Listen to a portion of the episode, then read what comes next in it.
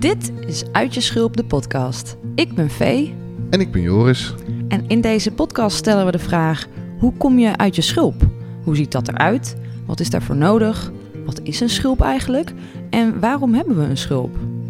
We gaan met onze eigen kennis en de expertise van onze gastsprekers op zoek naar antwoorden. De thema's ontwikkeling, mentale gezondheid en connectie staan centraal in onze zoektocht. Deze podcast is zowel bedoeld voor mensen die zich pas net in zelfontwikkeling beginnen te verdiepen, als mensen die al meer bekend zijn met het onderwerp. Het is voor iedereen die zich soms een beetje vast voelt zitten, die graag wil groeien, die zich afvraagt waarom ze zijn zoals ze zijn en of dat ook anders kan en zo ja, hoe je dat doet. Pak een drankje en schuif lekker aan. Laten we beginnen. Dit is aflevering 1. Wat is een schulp?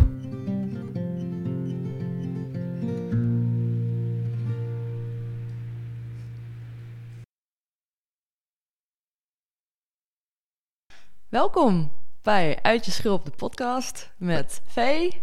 En mij, Joris. Leuk dat jullie weer luisteren. Yes, we gaan het in deze aflevering dus hebben over wat is een schulp? Ja, ehm, we hebben het in de intro een klein beetje over gehad. Uh, de intro-aflevering, die uh, heb je misschien geluisterd, anders kan je die nog terugluisteren. Uh, maar ja, wat bedoelen we daar eigenlijk mee met een schulp? En wat kan je er eigenlijk mee doen met zo'n schulp? En, Waarom is er een schulp? Ja, wat Waarom heb je eraan? Ja, dat is ook niet alleen maar iets heel vervelends. denk even aan het kreefje uit de intro. Dat heeft een schulpje hartstikke hard nodig. Uh, en zo ook hebben wij mensen allemaal onze eigen veiligheid nodig. Ja. Uh, alleen op een gegeven moment wordt die soms een beetje beperkend. Ja. En uh, dan is het een goed idee om naar onze podcast te luisteren. Want dan kom je hopelijk op hele goede ideeën om die beperkingen weer een beetje los te laten. En misschien op zoek te gaan naar je eigen nieuwe schulpje. Ja. Um, zullen we beginnen? Ja, dat is een goede, goede vraag. Ja. Uh, ik uh, denk misschien dat ik graag even wil beginnen met een hele korte, hele korte, simpele definitie misschien van een schulp. Ja, uh, goed idee. Want ja, ik denk dat het misschien dan, ja, vanaf daar kunnen we weer verder bouwen. Ja? Een schulp zie ik heel erg als een, ja, een, een onbewust onbewust iets wat je met je meedraagt. Ja. eigenlijk je onbewuste patronen. Uh, die je dus een gevoel van veiligheid geven. En soms kan dat dus een, uh, ja, ook echt daadwerkelijk veiligheid bieden op een gezonde manier. En soms kan een schulp heel erg zwaar worden en dat je eigenlijk dus je schulp mee zult. Uh, en dat je eigenlijk meer belemmert dan dat het je echt beschermt. Ja. Dus dat is een beetje mijn, om mee te beginnen als een soort van ja. definitie. Ja, van wat, want ja, het is toch een woord wat er veel uh, gebruiken. Dus... Ja, het zijn overvloeden. Dus gaan we het zijn overvloeden gebruiken. ja, je zal het nog vaak horen. En uh, we gaan in deze aflevering gaan we, gaan we daar nog wat dieper op in. Op, op hoe dat dan ontstaat, zo'n schulp. Ja. Uh, we gaan lekker terug naar, naar de jeugd, waar dat vaak vandaan komt. Ja. We gaan voorbeelden geven uit ons eigen leven eigenlijk. Gaan kijken, nou, hoe zijn wij er in ons leven tegenaan gelopen. en nog heel veel gewoon aanvullend ook op de definitie. Ehm, gewoon even hele praktische voorbeeldjes. Kijk, die schulp, dat er dus uh, V uh, doelt er een beetje op, hè, op, oude patronen die kunnen zijn ontstaan in, in je jeugd bijvoorbeeld. die handig waren om, om precies te krijgen wat je wilde, of je te, beschermen, om te overleven. Overlevingsmechanismen, dat woord kennen, kennen veel mensen ook wel. Ja. Um, maar ook bijvoorbeeld een, de innerlijke dialoog die mensen wel kennen. Daar gaan we ook nog een aflevering aan wijden hierna.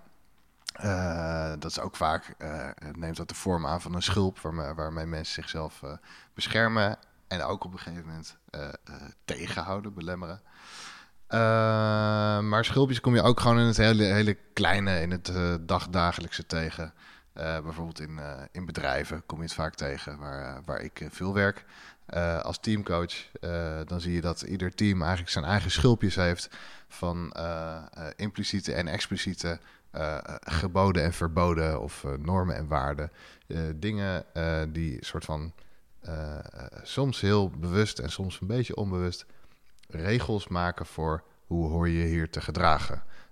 wat mag je hier wel en niet doen? Ehm, Wat mag je hier wel en niet zeggen? Of vragen? Of mag je hier überhaupt vragen? Mag je hier emotie tonen of niet? Of welke emotie mag je hier wel en niet tonen? Allemaal voorbeelden van, van schulpjes. Of hoe ga je hier met de leidinggevende om? Mag je uh, kritiek leveren of mag je uh, dingen in, in bevragen als je een, een, een, opdracht krijgt bijvoorbeeld? wordt het gewaardeerd of niet? Mag je jezelf zijn? Mag je jezelf zijn, mooi ja. Dus daar komen mensen vaak achter als ze dus ook bijvoorbeeld van baan wisselen. Mhm. in, in het persoonlijke leven komen mensen eigenlijk gewoon op allerlei manieren erachter dat ze in een schulpje zitten. Mm Bijvoorbeeld als ze dus een, een, een wens niet durven uit te laten komen. Bijvoorbeeld dat ze eigenlijk al een hele leven pottenbakker willen worden en dat, dat, uh, dat ze dat niet durven. Ja, ja. Ja, of met een heel goed uh, business idee rondlopen, maar... Het niet durven. Het niet durven. of, of en het kan ook zijn een combinatie van niet durven en nog niet precies weten hoe. Ja. Uh, en, en niet uh, de hulp vragen of niet het geld willen uitgeven aan, aan een opleiding die je daarmee kan helpen, bijvoorbeeld. Er zijn heel veel vormen van schulpjes, en, groot en klein. Ja. En ehm, ja. En vaak gaat het dus over de zekerheid die een schulp kan bieden. In die um, gevallen, zoals bijvoorbeeld het voorbeeld van Iemand die dus uh, zijn baan niet, ja, niet weg durft te gaan bij zijn vaste baan om zijn droom achterna te gaan. Dus ja, omdat ze bang zijn dus dat, dat ze ja, hun zekerheid gaan verliezen, hun baan gaan verliezen, hun inkomen gaan verliezen. Um, dus dan kies je voor de zekerheid. En dat is dus eigenlijk ook een beetje een schuldmoment. Want ja, jouw de patronen die je zelf hebt aangeleerd om in te denken, dus de overlevingsmechanismes die je jezelf hebt aangeleerd, die vertellen je allemaal van dat moet je niet doen, want dat is niet veilig. Ja, ja, ja. Terwijl wat voor moois zou eruit kunnen komen als je dus tegen die angsten kan zeggen van ja, maar. ja. Ja. In plaats van, oké, ik, ik doe het wel niet. Dat je gewoon aan jezelf bevraagt, oké, maar is het ook echt zo wat ik voel? En zo ja, wat kan ik daar dan aan doen? Want het kan toch niet onmogelijk zijn? Ja, ja, ja, precies. Ja. Hey, zullen we eens uh, terug naar het ontstaan van die schulpjes? Oh ja, of schulpen. Naar de, roots. De roots. de schulp. De roots, ja. Dus een, ja. Uh, daar, daar, daar, denken verschillende mensen natuurlijk anders over. Er zijn allerlei uh, stromingen en theorieën in de, in de, in de psychologie en uh, psychotherapie. Psychotherapie, maar ook in, in meer spirituele uh, richtingen mhm. of, of, of, theologische ideeën. Ja. Um, wij zeggen gewoon hoe wij er tegenaan kijken. ja. En um, ja, maak er vooral ook je eigen verhaal van, want ieder mens is uniek. Ja. Uh, maar mijn idee is dat iedereen wordt geboren en dan al heel snel um, behoeftes heeft. En eigenlijk voor de geboorte zelfs al. En sommige mensen zeggen dat je dan al bezig bent met uh, met je kind wel of niet geven wat het nodig heeft. Hè, in de buik. Sommige mensen zeggen zelfs voor conceptie al. Nou, het ligt er maar aan van welke school je bent, uh, hoe ver je terug wilt gaan. Naar vorige levens of, uh, of voor generaties, wat dan ook. Mag je allemaal helemaal lekker zelf weten. ik, ik hou voor nu even, om het makkelijk te en overzichtelijk te houden, even gewoon vanaf de geboorte zo'n beetje. dan weet je dat een baby, iedereen heeft wel eens een baby gezien en vastgehouden. En, en misschien heb je zelfs baby's gehad. Um, uh, die willen een aantal dingen uh, hebben ze gewoon echt nodig voor hun overleven. Ze hebben liefde nodig, ze hebben eten nodig, ze hebben slaap nodig, uh, ze hebben aandacht nodig. basisbehoeftes. ja, we die. die. Die, fundamentele basisbehoeftes die, die ieder mens heeft. En, en iedere ouder gaat die ja, zo goed en zo kwaad mogelijk als het gaat proberen aan te voldoen. En iedere ouder, iedere ouder die luistert, die weet dat het een onmogelijke taak is om dat perfect te doen. Dat je altijd merkt, oh ja, ik, ik, weet niet precies wat, hoe ik dit nou moet doen. Is het goed als ik juist extra, uh, extra veel uh, bescherm. bescherm? Of als ik het juist een beetje loslaat? Mhm. Nou, allemaal dat soort dingen. Het zijn onmogelijke puzzels. En, en de reden ook dat het zo lastig is, is dus omdat kinderen voor hun zevende jaar helemaal geen context hebben van hoe ze dingen moeten interpreteren. Ze hebben nog helemaal geen analytische vermogen, waardoor ze situaties kunnen begrijpen. Dus ze nemen eigenlijk alles super letterlijk. Dus op het moment dat, zeg maar, dat ze dus huilen omdat ze honger hebben en de ouders zijn net even druk met iets, dan zo'n baby die denkt dan van ja, zeg maar, die interpreteert dat dus als een, een afwijzing van zijn behoeften. Terwijl dat dus helemaal niet het geval is. Maar omdat een, een kind en een baby die kunnen dat niet, uh, niet, niet analyseren. Die kunnen niet in de context plaatsen van oh ja, ik moet even mijn beurt wachten. Ja. Want er is nu iets anders aan de hand. Ja, en, en, en, en zo geeft ook iedere, ieder ouderpaar uh, uh, hun eigen unieke eigenschappen ook weer door aan kinderen. Ja, de dingen waar dus, ze zelf ook last van hebben. Ja, ja. Dus heel goed georganiseerde ouders die zullen ook zorgen dat het ritme helemaal strak is en dat doorgeven aan het kind. Dat het heel ehm, helder, heldere verwachtingen heeft van wat wanneer gebeurt. Ouders met slaapproblemen zullen ervoor proberen te zorgen dat er bijvoorbeeld helemaal geen geluid is in de omgeving van, uh, van de baby. Hmm. Uh, en, en er misschien daardoor ook wel voor zorgen dat, dat het kind ademeert dat dat nodig is in het leven om te kunnen slapen. Dat je, dat je een stille ruimte nodig hebt. Ja. Ehm, nou, dus heeft iedereen zijn eigen prachtige dingen die hij probeert te doen, die heel mooi en heel soms een beetje lastig kunnen uitpakken. Ja. En, ehm, een kind gaat er in ieder geval. Oh, sorry. Nee, ga je gang. nee, ik wou er nog even aan toevoegen. Uh, is dus dat voor, zeg maar, op een heel erg in instinctief niveau voelen we dus dat aandacht is liefde, is overleven. Ja. En dat is dus een beetje, dus wat, ja, een kind wil aandacht, omdat hij weet dat hij dan krijgt wat hij nodig heeft. Ja. Dus ja, en dat is dan gelijkgesteld aan liefde. Uh, in, in de kind-ouder-relatie. Ja? Dat wil ik er nog even aan toevoegen. Ja, ja, ja, mooi. Het is ook wel handig om, om dat te weten. Want we hebben natuurlijk zoiets van... ja, uh, elke ouder die houdt toch van zijn kind. Maar houden van en aan behoeftes volzien, voor, voor, voldoen... ja. uh, zijn, ja, zeg maar, twee hele andere dingen. En op een echt een instinctief, instinctief niveau voelen we dus aandacht is liefde, is overleven. Ja, ja, dus ja mooi. Ja. Ja, en daarin is wel. Uh, de, we gaan op, ik kom op een mooi zijsportje, maar ik vind het wel heel leuk om te doen. En meteen een leuke uh, aflevering idee, denk ik. Uh, wat is jouw taal van, uh, van de liefde? Oh, dus ja, wat is jouw liefdestaal? Dus hoe druk je liefde uit? Is dat, ja. uh, is dat door dingen heel goed te organiseren voor je kind? Is het door ervoor te zorgen dat, die, dat de hele studie al is betaald? Weet je wel? Bijvoorbeeld dat hij al een, een, kamer heeft, bij wijze van spreken, ergens in de stad waar hij kan studeren. Of is het door hem ontzettend veel te laten merken dat je van hem houdt, door veel knuffels te geven vanaf geboorte of wat dan. Dus er zijn zoveel verschillen in hoe mensen hun liefde tonen en dus ook wat een mens leert.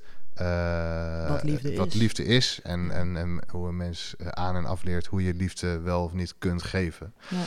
Ja. Um, maar in ieder geval gaat zijn kleintje er alles aan doen om die aandacht en liefde zoveel mogelijk te krijgen. Dus ieder kind gaat uh, zijn en haar eigen strategietjes ontwikkelen. Uh, om uh, ervoor te zorgen dat hij zoveel mogelijk krijgt wat hij wil. Ja. En dat weet ook iedere ouder, dat kinderen daar per, jaar, per levensjaar weer nieuwe um, mogelijkheden aan toevoegen, zeg maar. Dus als baby alleen nog maar hè, is het vooral huilen en um, op die manier aandacht vragen. Mm -hmm. Uh, en hoe ouder, hoe, hoe meer mogelijkheden en strategieën erbij komen. Ja, en dus ook hoe meer een kind zich gaat aanpassen naar uh, zijn omgeving. Want op een gegeven moment dan merkt het kind dus dat een bepaald soort gedrag uh, meer aandacht krijgt. of ja, of, of dus geen aandacht. Want in sommige gevallen heb je dus dat kinderen ook in hele onveilige situaties opgroeien. Waarin dus geen aandacht trekken veiliger is mhm. dan, dan, dan aandacht trekken. Dus dat ze bijvoorbeeld leren om, om niks te zeggen. Om zoveel mogelijk zichzelf weg te klein te maken en weg te cijferen. Uh, en, en, en in sommige situaties is het dus juist dat ze uh, heel hard moeten schreeuwen om aandacht te krijgen. Ja. En uh, dat zijn, dat zijn in principe ook beginselen van, van patronen die we onszelf dus aanleren ja. in die vroege jeugd. En wat dus, uh, omdat in die periode van je leven heb je dus dat je eigenlijk alles, nou wat ik zeg, hè, je hebt nog helemaal niet dat, dat je analytisch kan nadenken, je kan niks interpreteren. of tenminste, je kan het wel interpreteren, maar je kan er geen, geen analytische uh, dingen overheen gooien. Uh, kom even niet goed uit mijn woorden. En, um, je bedoelt een analyse. Een analyse, ja. dat ene ding. Ehm, en, uh, en, en, en wat er dus gebeurt, want in die, in die periode van, van je leven leer je alles. Je leert lopen terwijl je praat. Je leert uh, je schoenen strikken. Je leert ademhalen terwijl je met je ogen knippert. Weet je, allemaal van dat soort dingen waar je als volwassene niet over na hoeft te denken. Ja. Uh, want stel je eens voor dat je nu de hele dag met je aandacht dus alles moet gaan aansturen van oké, en nu moet ik gaan praten terwijl ik ook mijn voeten beweeg. Ja. Als je dat, ja, dus dat gaat allemaal naar het onderbewustzijn. Dus ook die patronen, die, die, die dingen die zo'n kind oppikt over hoe dus de wereld werkt, quote unquote, volgens, volgens de interpretatie van dat kind. Dus oké, om te overleven moet ik me stilhouden, of mag ik niks zeggen over hoe ik me voel. Ja. Uh, of om te overleven. Um, moet ik uh, heel hard schreeuwen, want anders luistert niemand naar me. Mm -hmm. um, ja, dus dat zijn van die dingen die gaan er dus, die, die zijn dan op dat moment, worden die bewust gedaan. En ja. dan langzaam maar zeker worden die steeds meer een onbewust patroon. En die gaan dus in het onderbewustzijn zitten. Ja. En vandaar ook dat het zo moeilijk is als je eenmaal volwassen bent om die patronen ten eerste op te merken en ten tweede te veranderen. Want het is eigenlijk een beetje alsof je dus weer opnieuw moet leren lopen. Als, Ja. je, als je dus, ja, je moet eerst opmerken hoe je dat doet en jezelf ook van weerhouden om het op een bepaalde manier te doen. Ja, dus dat eh, wou ik ook nog even eraan. Ja, ja, mooi, heel mooi. Ja, en die, die, die eh, ik vind het zo mooi. Vorige, eh, vorige keer toen we deze opna aflevering hebben opgenomen, toen was het geluid mislukt. De afgelopen twee keer trouwens, eerlijk gezegd. Ja, als een toen noemde je inderdaad dat, voor het voorbeeld van de patroon van ehm, je veter strikken. Dat vond ik zo leuk. Want je, inderdaad, als je wordt geconfronteerd met het feit dat je je schoenen moet aandoen, dan ga je automatisch je veter strikken. Eh, als je de fase van klittenband bent ontgroeid in je leven dan. En, ehm, en dat, is, dat, is, dat is, vind ik een grappige metafoor. Omdat je inderdaad in je leven, later als volwassene, kom je situaties tegen. En dan ga je zo'n patroontje uitvoeren dat je kent vanuit je jeugd. Jeugd. Vanuit je kind zijn. Ja. En ehm, inderdaad, dus je moet je dan daar bewust van worden. Je moet het opmerken, erkennen dat er iets is. Eh, op, het moment dat het je gaat beknellen, dat dat eh, schulpje te klein wordt. Eh, en dan moet je dus ook, wat het, moeilijk, wat het ook moeilijk maakt, los van het feit dat het een heel oud patroon is, is dat het bijna altijd gepaard gaat met het moeten erkennen dat je dus iets hebt gemist. Hmm. En dat betekent niet dat je de schuld bij je ouders hoeft te leggen of bij jezelf wat ook, maar puur moeilijk. moet erkennen van, oh ja, als ik deze schulp uitdoe, dan komt er iets bloot te liggen. Wat eigenlijk een kinderlijke pijn of gemis of verdriet is of verlies of wat dan ook. Ja. En dat moet je dan, ja, dat moet je dan aangaan met jezelf. Ehm, En pijn is iets wat wij, eh, wat, wat menselijk brein is geprogrammeerd om pijn te ontwijken. Zeg maar, dat is ook een beetje zo'n een onbewust iets. Eh, als er één ding is waar we echt super goed in zijn, dan is het dus zorgen dat we geen pijn hebben. En, en daarom is het ook vaak dat we dingen ontkennen of dus niet uit een schulp willen komen om dan die pijn bloot te leggen. Omdat het gewoon o- eh, counterintuitive is. Ik weet niet hoe je dat in het Nederlands zegt. ik denk dat de Ja. meeste mensen dat begrijpen. Ja. je moet het er maar mee doen. ja, dus het, is, het gaat eigenlijk tegen je instinct in om dus die pijn juist bloot te leggen en wel te voelen. Ehm, in plaats van het dus ja, weg te kijken ervan. Ja, ja, ja. Ja. Mooi. Ehm, ik denk dat het misschien nog duidelijker gaat worden als we gewoon... eh, als we misschien ons, ons eigen leven induiken. En Ja. zeggen van, hey, hoe, wat betekent dit nou? Jij wil nog- nog, iets. Ja. Ik heb nog één dingetje, wat ik, want ik vind het leuk dat die, die metafoor inderdaad van je schoenen leren strikken. En ik zit dus te denken dat dat is natuurlijk iets wat je dus vanaf jongs af aan altijd op dezelfde manier doet. En op een gegeven moment, stel je hebt dus dat je je arm breekt. En dat je dan nog steeds probeert om op diezelfde manier je schoen te strikken, dan gaat het niet lukken. Ja, Dus je moet op een gegeven moment dus moet je je aan leren passen. En dan Ja. wordt het dus eerst heel erg moeilijk. Maar dan op een gegeven moment dan leer je dus om je patroon aan te passen, zodat het wel werkt bij de situatie. Want we recreëren ook vaak de situatie van vroeger opnieuw door dus diezelfde patronen te, te blijven herhalen. Dus dat wou ik er nog even over ja, ja, zeggen. ja. Ja, Ja, er wordt een, eh, ik, nu, nu, heb ik, nu zie ik het plaatje helemaal voor me. Iemand een gebroken arm die zijn veet probeert te strikken. Ja, ja, en dan ook om het fysiek te maken. Want in, Ja. we, het is natuurlijk een heel abstract ja, eh, emotioneel concept waar we het over hebben. Ja, en dus dan is het misschien fijn om daar een soort eh, fysieke fysiek gevoel bij te geven. Ja. Dus ja, stel je inderdaad voor dat je ineens je arm niet meer kan gebruiken en dan dat je je veters gaat strikken. Ja. Ja.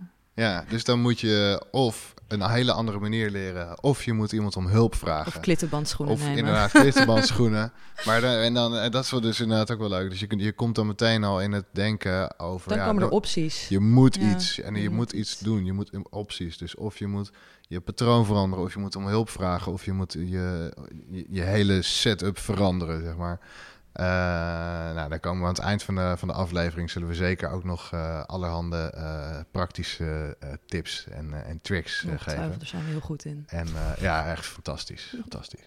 En hopelijk eh, eh, ehm, hebben jullie ook nog allemaal fantastische, leuke, interessante en inspirerende tips dan. Yes. Die kunnen jullie allemaal kunnen- delen met ons op onze Instagram pagina, uit je schulp de podcast. Oké. Ehm, hey, eh, wie wil, eh, wie wil eh, de spit, spits afbijten? We zaten allebei voor de aflevering, zeiden we tegen elkaar. We hebben gisteren allebei los van elkaar een enorme eh, schulp afgelegd op een of andere manier. Schulpmomenten gehad. schulpmom- schulpmomenten gehad.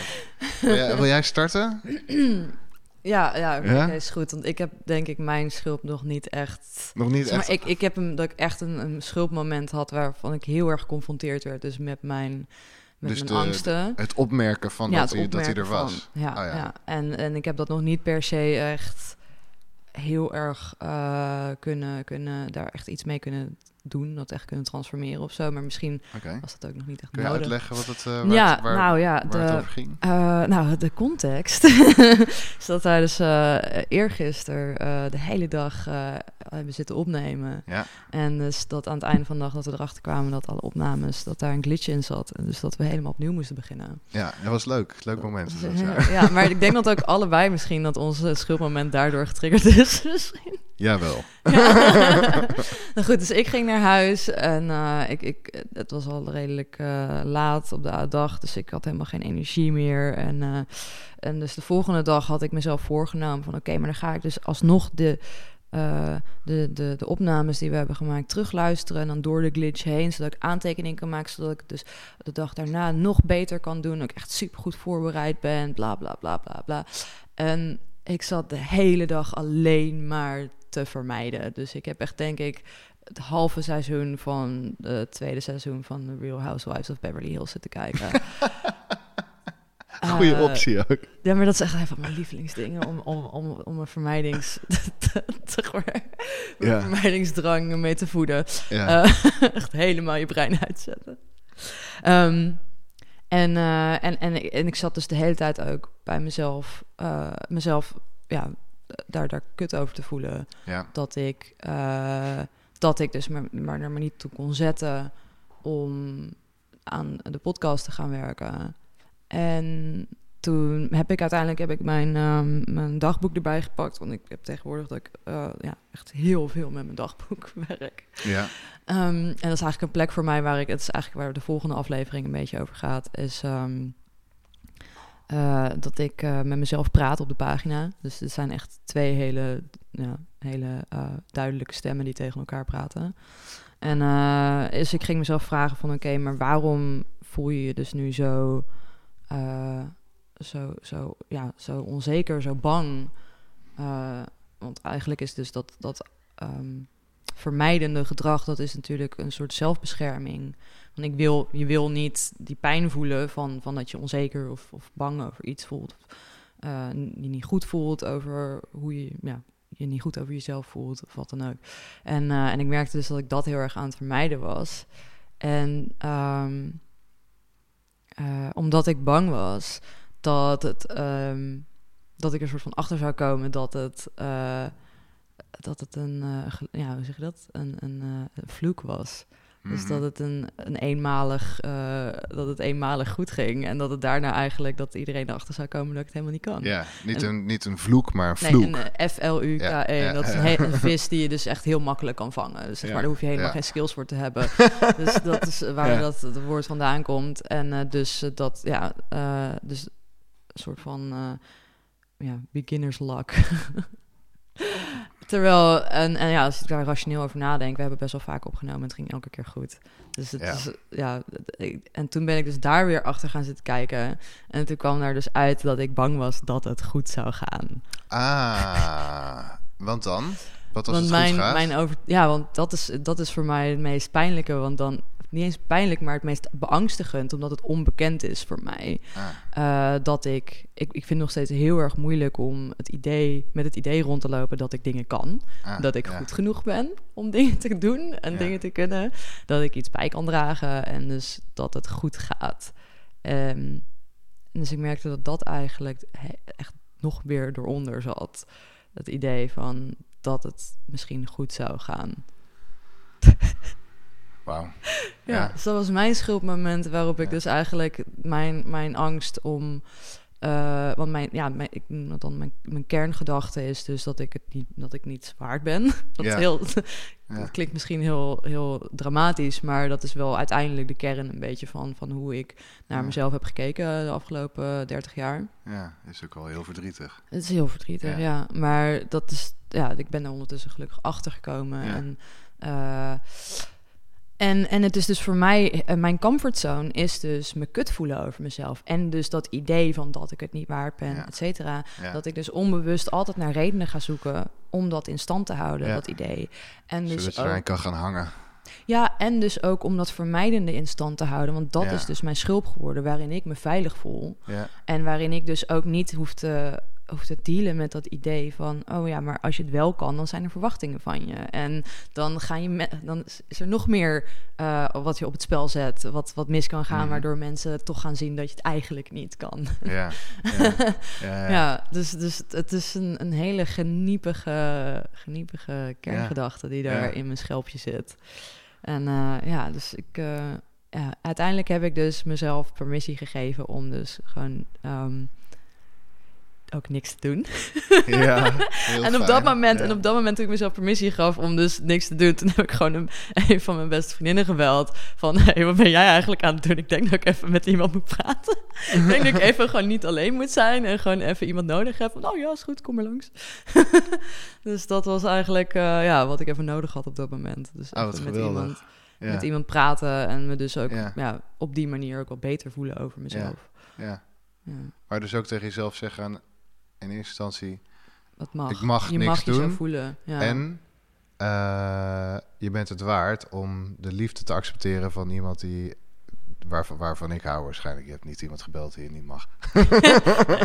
Iemand waar ik heel veel van hou, ja. Toch? Ja. Ja, precies. Oké, dus je bent wel met die waarden bezig geweest. Ja, dus inderdaad van oké, hoe kan ik dan toch mezelf inderdaad laten zien hoe ik, dat ik het wel waard ben. En de makkelijkste manier was op dat moment dus gewoon ten eerste om mezelf de toestemming te geven om te voelen wat ik moest voelen. Dus Ja. in plaats van oké, maar je moet vandaag toch productief zijn van nee, maar oké, wacht, je hebt gisteravond best wel een grote domper gehad. Daar moet je eigenlijk ook van bijkomen. Dus waarom Ja, zou je vandaag ja. super productief moeten zijn als je dat nu moet verwerken eigenlijk? Dus Ja. dat. En dan eh, ten tweede, eh, ja, wat, wat kan je nu dan wel doen?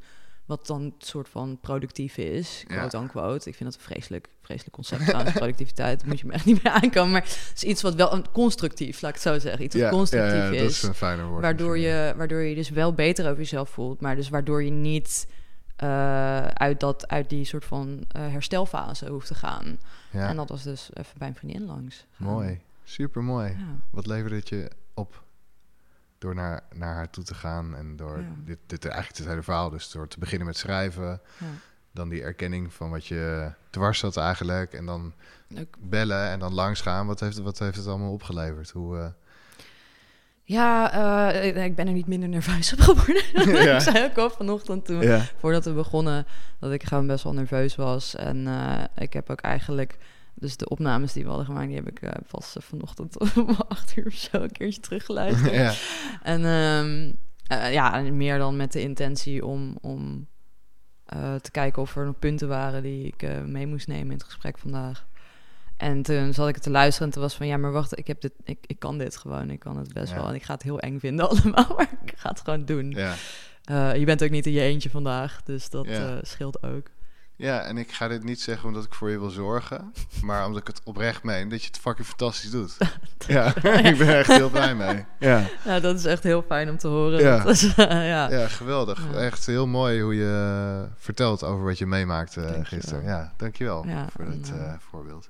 En in, de, in dat schrijven, ik ga, zo, ik ga hierna ga ik door naar mijn verhaal. Ja, maar, graag. Maar, ja, ik wil jouw verhaal ook horen, want we hebben het allebei dus bewaard om het hier nu in de podcast te vertellen. Hoe we, hoe we dus met onze schuldmoment, want we hadden allebei, wat ik, kan wel, wel in berichten laten weten van dat er dingen gebeurd waren die met onze schuld te maken hadden. Maar we hebben het uiteindelijk bewaard, zodat we hier de juicy details in de microfoon kunnen vertellen. Ja, ja. en dit is dus een hele mooie les, want in de eerste twee keer dat we het hebben opgenomen, uh, hadden we ook eigenlijk voor de aflevering hele interessante uh, gesprekken met elkaar. Die gingen over, hey, wat hebben we vandaag meegemaakt of gisteren, wat heel vers is, waardoor je, zoals jij net, zo mooi erover kan vertellen en dat het zo raakt, dat het zo persoonlijk is en zo integer.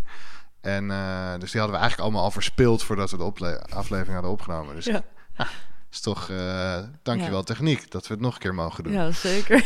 uh, drie keer scheepsrechten. Maar waar ik nog benieuwd naar was, is um, wie praat er met elkaar als jij schrijft? Dus die twee dus stemmen. Eigenlijk is dat, eigenlijk is dat uh, voor de volgende aflevering. Ja, dat gaat over... we kunnen hem bewaren. Ja, ja, ik denk dat we dat even bewaren voor de volgende aflevering. Want het gaat namelijk over het interne dialoog. Wat ik er heel kort over kan zeggen is dus dat... Um, uh, dat op het moment dat je dus echt naar je schulp gaat kijken en dus ook eh, ja, gaat kijken naar je patronen, dan komt er vaak naar voren dat er verschillende uitingen van jezelf zijn die dus allemaal een andere stem hebben. Uh, daarmee bedoel ik dus niet dat je schizofreen bent, voor de mensen die dat misschien denken. Maar meer dus dat, dat er verschillende, vorm, ja, verschillende, verschillende facetten van jezelf zijn. Uh, En, en, en die hebben allemaal verschillende manieren van praten. En die zijn dus ook vaak met elkaar in gesprek. En als je dus dat gaat uitschrijven, dan komt dat meestal naar voren terug. Ja, oké. Ja, dus, maar dat gaan we daar gaan we de volgende aflevering. Ja. Ik wil heel graag horen hoe het met jouw schuldmoment. Ah, oké, nou, wat komt er precies is gebeurd. Ja. ja. Nou, uh, een beetje, de, beetje dezelfde context. Uh, dus ook dat ik uh, gisteren, gister, ja, gisteren, dus eergisteren hadden we opnamedag. Uh, gisteren uh, ging ik eerst naar de, mijn uh, botte krakerman in de ochtend, omdat ik heel veel last heb van mijn rug soms. En dat is verder niet echt relevant. Dus waarom ik het vertel, weet ik ook niet. Maar, mag gewoon. Nou, mag gewoon. Mag gewoon. Nee, dat komt helemaal goed. Komt er. Een beetje textuur aan het verhaal geven. Het was mooi weer. Wat had je gegeten? Nee, en ik voelde me gewoon, ik voelde me gewoon heel erg bleu. Ik voelde me gewoon... Ja mistroostig. Ik voelde me teleurgesteld. ik voelde een pandje in de face. Ja, echt een pandje in de face. Ik voelde twijfels. Ik voelde, weet je, dan kan van die stemmen van, ah, moet je dit nou wel doen? En is het wel goed? En, um, en ik was een podcast aan het luisteren op de fiets. En daar was een vrouw aan het spreken. Uh, die heette Wendy Mandy. Uh, nee. Ja, Wendy Mandy. Uh, zij is een shamaan en zij uh, had het over heel veel dingen, maar één ding dat heel erg uh, haakte bij mij was dat ze zei: had, ze had het over moderne relaties. Uh, en dat die vaak. dat mensen vaak veel te veel van elkaar vragen. Dus dat je eigenlijk veel te veel rollen op de ander plaatst. Ja. En ik ken dat met mijn, met mijn vrouw Merle en dat hebben, daar hebben we het ook al vaker over gehad. Soms is dat even heel lekker. Dat je even kan laten verzorgen, net alsof het uh, een ouder van je is of zo. Maar over het algemeen, weet je wel, als je dat onbewust doet, dan is het heel ongezond en heel onhandig. En ik voelde me heel kloten en ik was al het huis uitgegaan en weggefietst. Uh, zonder dat heel erg met meer te delen. Want ik dacht, ik wil dit niet weer bij haar neerleggen of zo. En een soort van dan hopen dat zij dat gaat oplossen voor mij. En ik, ik hoorde die vrouw dus vertellen, zo, ja, mensen plakken maar een, een vader en een moeder en een, en een zoon en een dochter en wat dan ook. En een broer en een zus op een partner. Dat is veel te veel, dat kan helemaal niet, dat is niet gezond. En toen kwam ik ineens op besef van, oh ja, shit, ik heb gewoon een vader. En, ik, en, ik, en, hij heeft een uh, vrouw, uh, dat is niet mijn moeder, die is overleden heel jong. Uh, maar ze zijn er wel. En mijn schulp is heel jong ontstaan, onder andere door het overlijden van mijn moeder. En doordat ik toen voor het eerst ook verdriet in mijn vader zag en uh, ik gewoon als vijfjarig jongetje intens bang was uh, om alleen te zijn uh, en ja, om er alleen voor te staan eigenlijk. Maar de, de reactie is dat ik eigenlijk hele dikke schulpen en laag heb gebouwd van onafhankelijkheid, sterk zijn, stoer zijn uh, en eigenlijk niemand nodig hebben. Um, en dat is uh, voor een heel groot gedeelte van mijn leven heel, heel prettig geweest. Want uh, nou, dat heeft me ook gewoon heel sterk gemaakt. En ik had ook gewoon een te groot verdriet voor een vijfjarig kind om te begrijpen of mee om te kunnen gaan. En ook voor een tienjarig kind. En ook zelfs voor een twintigjarig kind, noem ik mezelf nog wel op mijn twintigste. Nou, en op verschillende leeftijden heb ik op verschillende manieren heb ik die schulp lekker solide gemaakt. Groeit ook mee. Ja, groeit ook mee. Dus als kleinkind was ik meer een dromer. En daarna werd ik meer... Uh, ik ging heel veel uh, blowen en uh, lekker stoer doen met allemaal stoere vrienden. En tegenzetten. Heel veel gezeik. van scholen afgekikt. Allemaal dat soort gedoe. en... Um, op een gegeven moment kwam ik tot de realisatie dat ik dat met me meedroeg en dat dat eigenlijk heel erg in de weg stond van verbinding aangaan. Uh, dat is een beetje een jaar voordat ik begon met het vak van coach. Hmm. En uh, dus ja, ik kwam tot die realisatie van, oh ja, ik ben eigenlijk ook best wel eenzaam daardoor. Uh, relaties die ik aanga zijn behoorlijk voorwaardelijk. Het is op mijn voorwaarden, dus anders keer ik je de rug toe en ben ik gewoon weg. En ja, nu ben ik 40 en denk ik dat ik toch best wel heel veel heb geleerd daarin. Maar gewoon gisteren, door doordat die paar dingen samenkwamen, de teleurstelling, de onzekerheid en die vrouw die het had over die relaties. En bij mij ineens het lichtje van ja, ik heb gewoon een vader en ik heb gewoon vrienden, mijn stiefmoeder. Dat woord hou ik niet van, want ze is niet een naar mens. Nee. Um, Gekke dat stief dan naar betekent. Ja, dat komt door al die sprookjes. sprookjes. Ja, maar in ieder geval, dus ik, uh, ik heb mijn botten laten kraken. Ben teruggefietst van Utrecht weer naar de beeld. En uh, thuis dacht ik, ik ga ze gewoon bellen. Hmm. En dat heb ik. Ik weet niet of ik dit ooit heb gedaan in mijn leven. Dat ik ze heb gebeld om te zeggen: Ik voel me niet zo lekker. En ik heb altijd vrienden of mensen die dit wel deden met ouders. Heb ik echt altijd zoveel veroordeeld. Heb ik altijd gezegd: oh, Dat is echt zo zwak dat je, dat je je ouders zo nodig hebt en zo. En ik voelde me altijd veel te stoer en sterk daarvoor. Dus ik bel ze op super zenuwachtig natuurlijk. Uh, uitgelegd in een paar zinnen van ja, dit is er aan de hand. Ik hoorde die vrouw en ik dacht ik wil niet merlen en ik heb jullie. En waarom? Hè? We zijn we, sinds een paar jaar zijn we een normale, gezonde, volwassen relatie aan het opbouwen eigenlijk. Want dat heeft heel lang geduurd voordat we na al mijn uh, puberale, langdurige gezeik weer een beetje dicht bij elkaar kwamen. Um, en mijn vader nam op, maar die was aan het meeluisteren. En dus ik hoorde van de achtergrond verdienen wel een beetje zo mompelen op een gegeven moment. En ik zei, ja, ik voel me eigenlijk niet zo lekker. En ik weet niet, ik weet niet wat ik ermee wil, maar ik wilde jullie gewoon bellen, want jullie zijn mijn ouders eigenlijk. En, en ja, dat is het. En toen zei Vlien eigenlijk van, ja, wil je even langskomen? En dat was gewoon genoeg voor mij om helemaal open te breken, uh, uh, heel hard te huilen en me te voelen als een kind met ouders die voor hem zorgen. Nou, mooi. En het was echt, ja, dat was gewoon heel bijzonder. Het was heel bijzonder.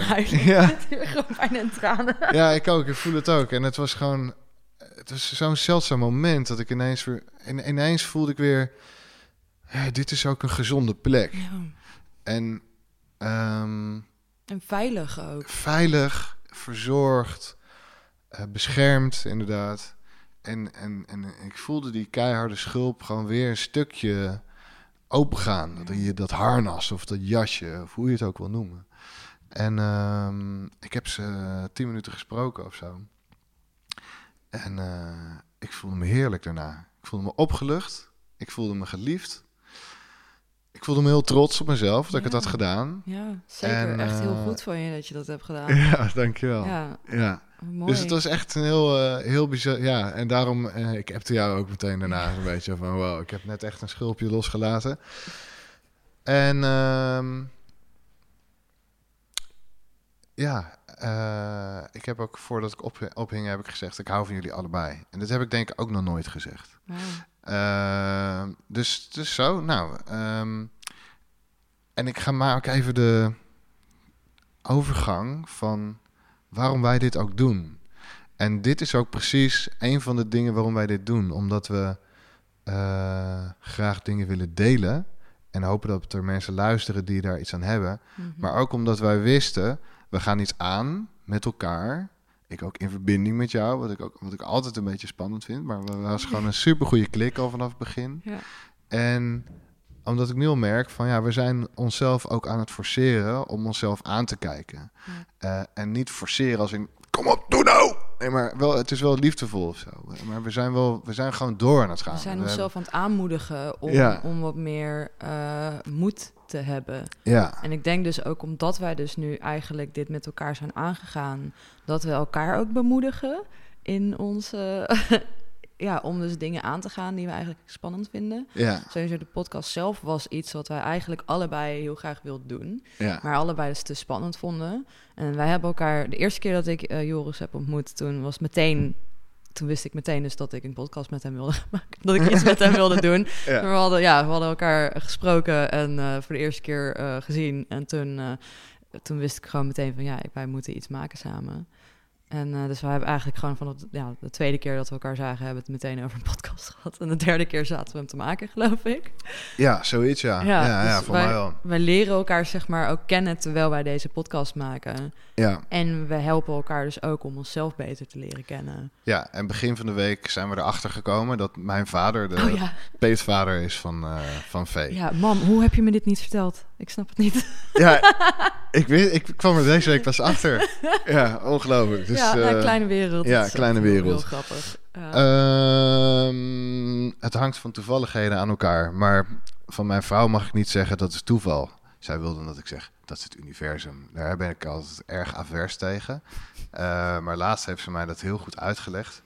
Dat het niet gaat om uh, een, een naïef soort van alle hoop leggen op iets wat je het universum noemt, maar juist dat je vertrouwen hebt in dat dingen goed komen. En het mooie is ook dat wij als mens zelf betekenis mogen geven aan dingen. Ja. Um, en, en dat is dus ook dat je dat sommige mensen iets als een toeval willen afdoen, terwijl sommige mensen dus zeggen: "Oh, weet je wat was het had zo moeten zijn." Ja. Er is een, je mag een keuze maken in de dingen die jij belangrijk vindt en dus ook hoeveel waarde of betekenis je daaraan wil geven. Ja. Dus wat dat betreft mogen we helemaal zelf Ja, en welke waarde en betekenis. Precies, ja. Ja, ja, En dat is het mooie, want wij zijn als mensen zijn beteken, zeg maar, wij zijn constant op zoek naar betekenis. Dus ja. Ja? ja, dus, en, en we mogen dus zelf weten wat dat is, blijkbaar. ja. ja, ik vind het heel fijn dat je, dat je, je um, dat jij je schulpverhaal hebt gedeeld. Dat is echt heel erg, heel erg mooi en ook best wel ontroerend eigenlijk. Ja, het was ook, wel heel dapper van je dat je het hebt gedaan. Ja, en ja, ik ben ook heel trots op jou. Oh, ja, jij doet het ook echt super goed. dankjewel, leuk. Okay, back to business.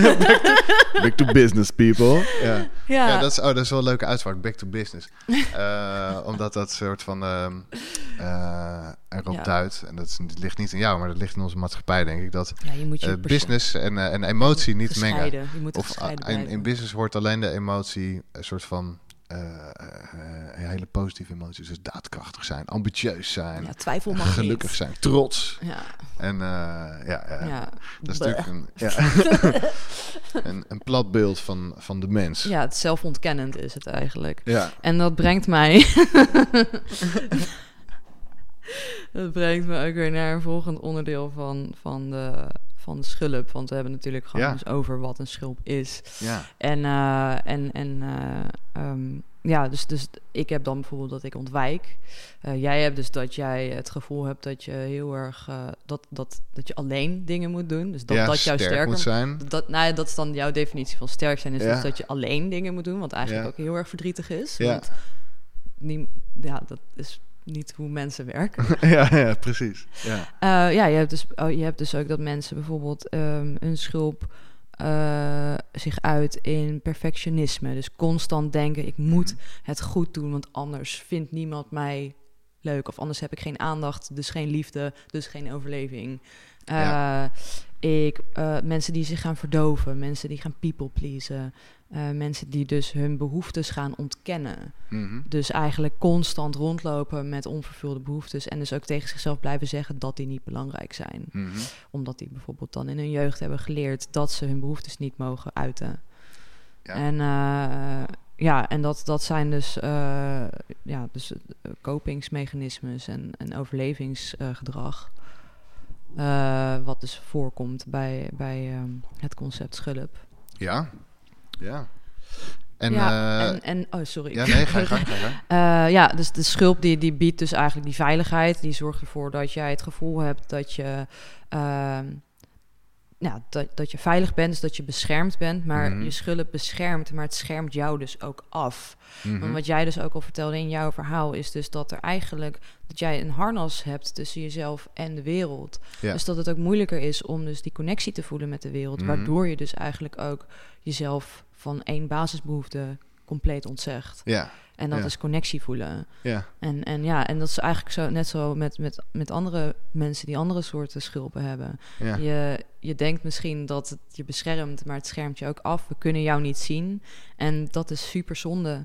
Want zoveel mensen die hebben zoveel moois te bieden. Terwijl ze het zelf allemaal proberen te eh, verschuilen Mhm. achter Ja. hun schulp. En het zou zo mooi zijn als we daar... ehm, ja, dat we, dat we elkaar de ruimte zouden geven om, om dus toch elkaar te zien en gezien te mogen worden ja. en die Ja. connectie aangaan. Ja, zeker. En, en wat ik wat we al eerder in de aflevering even, even noemden, is soort van ja, waarom, waarom zou je dat dan niet doen? Hè? Dus eh, waarom zou je nou niet die schulp afleggen? En eh, dus het legt de V ook een beetje uit. Nou, het is natuurlijk een moeizaam proces, omdat het en, en oude patronen zijn. En ik zei toen ook al van ja, en je moet iets, eh, meestal iets eh, van een gemis, een oud gemis erkennen. Dus je moet door eh, een eh, persoonlijke pijn of verdriet of wat dan ook heen werken. En wat vaak een blokkade vormt, en dat wil ik echt even benoemen. En ik hoop dat iedereen er goed naar luistert. Het gaat dus echt niet over de schuld leggen bij, bij ouders bijvoorbeeld. Die patronen ontstaan in je gezin over het algemeen. Uh, of in je familie of met, met andere opvoeders. Het bestaat in generaties. Ja. En uh, het gaat er helemaal niet over dat je zegt, nou ja, dat heb ik geleerd doordat dit. Uiteraard is er gedrag dat is gewoon echt ontoelaatbaar in, in gezinnen. En dan kan je het wel over schuld en slachtoffer hebben. Uh, maar laten we dat als uitzonderingen zien, hopelijk. En ik heb het nu even over de. Uh, en ook hoe je ermee omgaat uiteindelijk. Ja. Want je hebt natuurlijk mensen die echt uit vreselijke omstandigheden, echt inhumane omstandigheden komen. En die daar dan uiteindelijk toch iets mee kunnen. Ja. En je hebt ook mensen die dan dus daarin blijven zitten. En die vervolgens dan dus zelf die dingen gaan. Uh, ja, dat voortzetten, dat gedrag weer bij de volgende ja. generatie. Ja, precies. Ja. Dus er is, er is oprecht sprake van gemis in iedere, in iedere kind-ouder relatie. En uh, het is goed om dat gemis, uh, om jezelf toe te staan, dat te erkennen uh, en te uiten. Misschien naar jezelf toe, misschien zelfs naar je ouders toe. Uh, misschien is het door het naar je ouders toe te uiten wel een manier om de keten van dit soort gemis in de familielijn te doorbreken. Omdat die Mm. vaak van opa en oma naar ouders, naar kinderen, naar kleinkinderen door gaat lopen. Mm. Uh, en ik heb het idee dat we op een punt zijn in, in de wereld waar steeds meer mensen bezig zijn met dieper zelfonderzoek. Uh, dus dat de tijd ook misschien wel uh, ja, daar is uh, om wat hardnekkige patronen van gemis te doorbreken. En, en dat we niet alleen jij als individu, maar ook dat je een steentje bijdraagt in jouw hele familielijn om ja, meer die stralende mens te kunnen zijn die, uh, die jullie allemaal zijn eigenlijk ook. Van ja. En dat is dus ook het moeilijke aan, aan, de, aan de schulp. Uh, omdat zoiets um, ja, inderdaad generationeel kan komen van ja, dat is mijn opvoeding, uh, dat is mijn cultuur, dat is waar ik vandaan kom. Weet je, sommige mensen over een bepaald soort gedrag, wat zij of bepaalde manieren van denken, wat mensen dus dan als een soort van, uh, ik wil niet excuus zeggen, maar een rechtvaardiging ja. een rechtvaardiging over van waarom ze bepaalde dingen doen en waarom ze dus dat ook niet gaan veranderen of niet kunnen veranderen. Van ja, Hè, want daar kom ik vandaan, dus ja, dat is gewoon hoe ik ben. Ja. Um, en dat is ook een beetje een, een ding wat wij doen, is wij uh, leggen onze identiteit dus vast ook op een gegeven moment aan ons gedrag en onze gedachten. Ja. Uh, en um, dus ja, eigenlijk wordt onze schulp dan wie wij denken dat we zijn. Dus dat je, um, ja, uh, dat je dus je, ja, je, je patronen, uh, je gedrag, dat dat allemaal onveranderlijke, on, onveranderlijke dingen zijn. Uh, die dus jouw identiteit vormen. En sowieso ook dus dat jouw identiteit een onflexibel, onvloeibaar iets is. En um, op het moment dus dat je je bewust wordt van je patronen. En dus gaat kijken, ja, dus gaat kijken naar, naar wat doe ik precies en waarom doe ik het precies.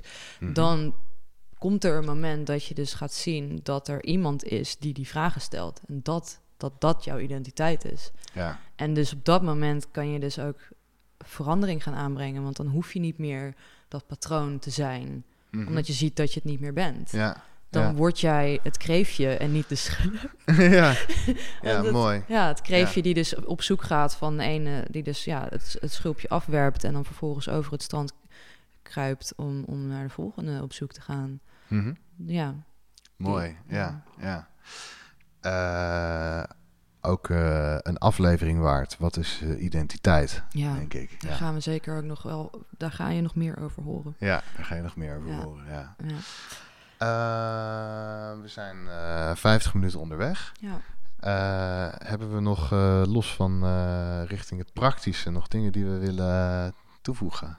Ik denk dat we eigenlijk wel de meeste dingen gehad hebben. Ik denk het ook, door mijn lijstje heen Voelt kijken. Wel, ik ben zo goed voorbereid dat ik een heel twee kantjes aan, aan, aan onleesbare bullet points heb. Want ja. het zijn paragrafen en geen bullet points.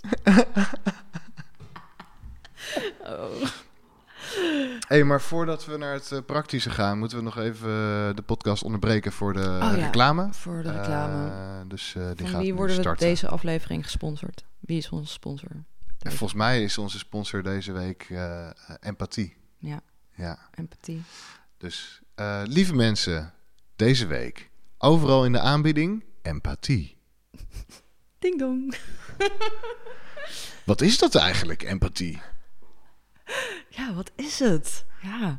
Nou, stel je voor dat iemand je iets vertelt, wat misschien een beetje lastig is, is dat je dan inleeft in de ander. Zonder dat je gaat proberen dat weg te nemen of op te lossen, maar dat je gewoon zegt: joh, ik kan me voorstellen dat dat best wel moeilijk is. Of verdrietig, of wat dan ook. En uh, misschien kan je zelfs iemand wel een knuffel geven. Hoeft niet, hè, corona. Oh, stel je voor, stel je voor. En um, het fijne is dat uh, als je empathie hebt met anderen, dan uh, is de kans groot dat ze het ook met jou hebben. En dat je ook je eigen sores bij die mensen kwijt kunt. En het allergrootste voordeel, want als Nederlanders is dit natuurlijk heel erg belangrijk. Het is helemaal gratis. Ja, maar dat is alleen deze week. Volgende week, deze week. Volgende week moet je er gewoon weer voor betalen. Oké, dat, waren, dat was van onze sponsor. Uh, hebben we ook weer gehad. Krijgen we ook weer imaginary points voor. Ja, ja nou, je wordt goed voor betaald. Je wordt super goed voor betaald. Ja. In empathie. Goede currency.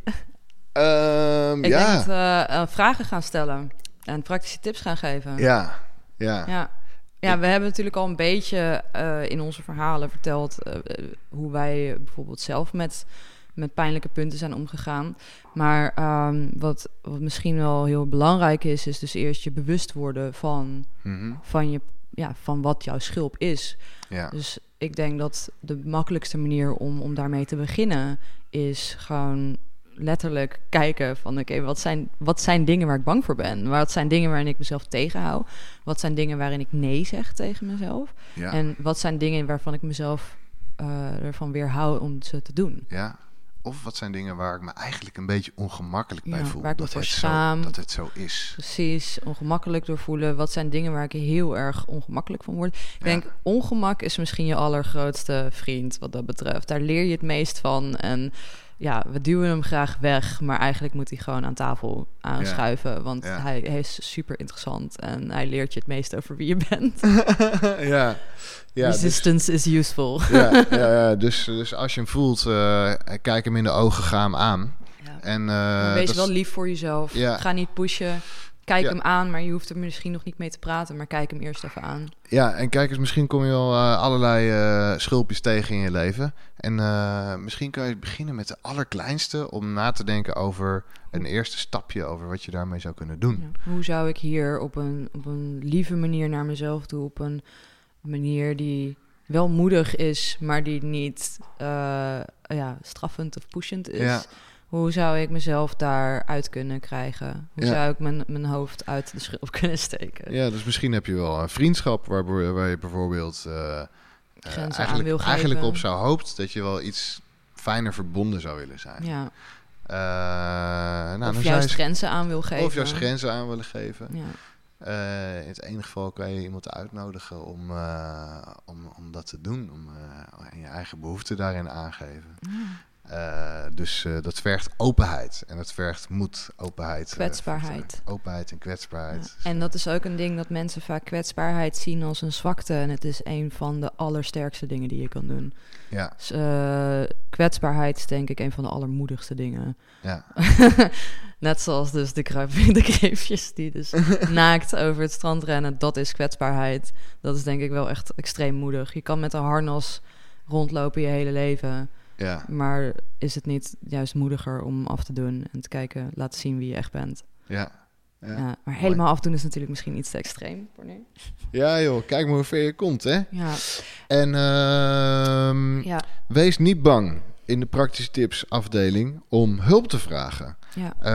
Uh, dat kan je, doe, doe je het liefst bij mensen bij wie je het meest veilig voelt. Waar begin, begin daarmee ja. en uh, doe je verhaal. Schrijf uh, dingen op ook. En stel letterlijk vragen. Van hoe, hoe zie jij dit? Wat zou jij hiermee doen? Mm. Uh, wat wens jij me toe dat er gebeurt in deze situatie mm. of in deze vraag? En... en als je het dus met jezelf bespreekt, dus schrijf het op en stel ja. jezelf constant de vraag waarom. Aha. Ja. Ja, waarom Mooi. doe ik dit? Waarom denk ik dit? Waarom, waar komt dit vandaan? Ja, schrijven, dat doe jij veel. Ja. ja?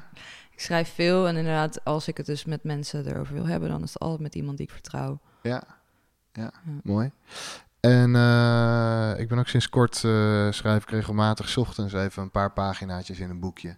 En ik merk ook dat dat me best wel helpt om wat orde te krijgen in de soms chaotische binnenwereld van de mens. Ja. En natuurlijk één leuke praktische tip die, die uit deze aflevering komt. Ehm, bel eens een keer je ouders en stap uit het patroon waar je, waar je normaal in zit. En stap in een patroon waarvan je zou hopen dat hij er is. Een uh, patroon waar je trots op kan voelen. Ja, het is, wel een, het is misschien een beetje een vaag, uh, vage bewoording nog. Uh, ik hoop dat je er iets mee kan of iets, iets uithaalt. Laat het me dan weten op, laat het ons weten op Instagram. Dat zou ik echt super leuk vinden. Ik ben heel benieuwd. En um, wat nog meer? Nou uh, ja, over de Instagram-account gesproken. Wij willen heel graag dat jullie meepraten met ons. Uh, wat betekent het bijvoorbeeld voor jou om uit je schulp te komen? Wat betekent jouw schulp voor jou? Ja, welke schulpen ken je van welke jezelf? Schulp zie jij bij welke jezelf? kom je tegen Hoe in ervaar je... je jouw schulp? Uh, ja, praat met ons mee. Stuur Ja. ons je eigen ervaringen, je vragen, uh, andere leuke dingen. Die kan je allemaal via onze Instagram-account, uit je schulp, de podcast. En uh, daar kan je ons vinden. Um, ja, ik denk dat we er een eind aan gaan maken voor vandaag. Ik denk het ook. Ja, Ja. nou heel erg Bedankt, voor het luisteren. Ja. Vee, bedankt voor uh, het opnemen. Ja, jij Wederom. ook. Ja. En voor je aanwezigheid. voor je stralende aanwezigheid. jij ook. Dankjewel. Fijne dag. Tot de volgende. Doei.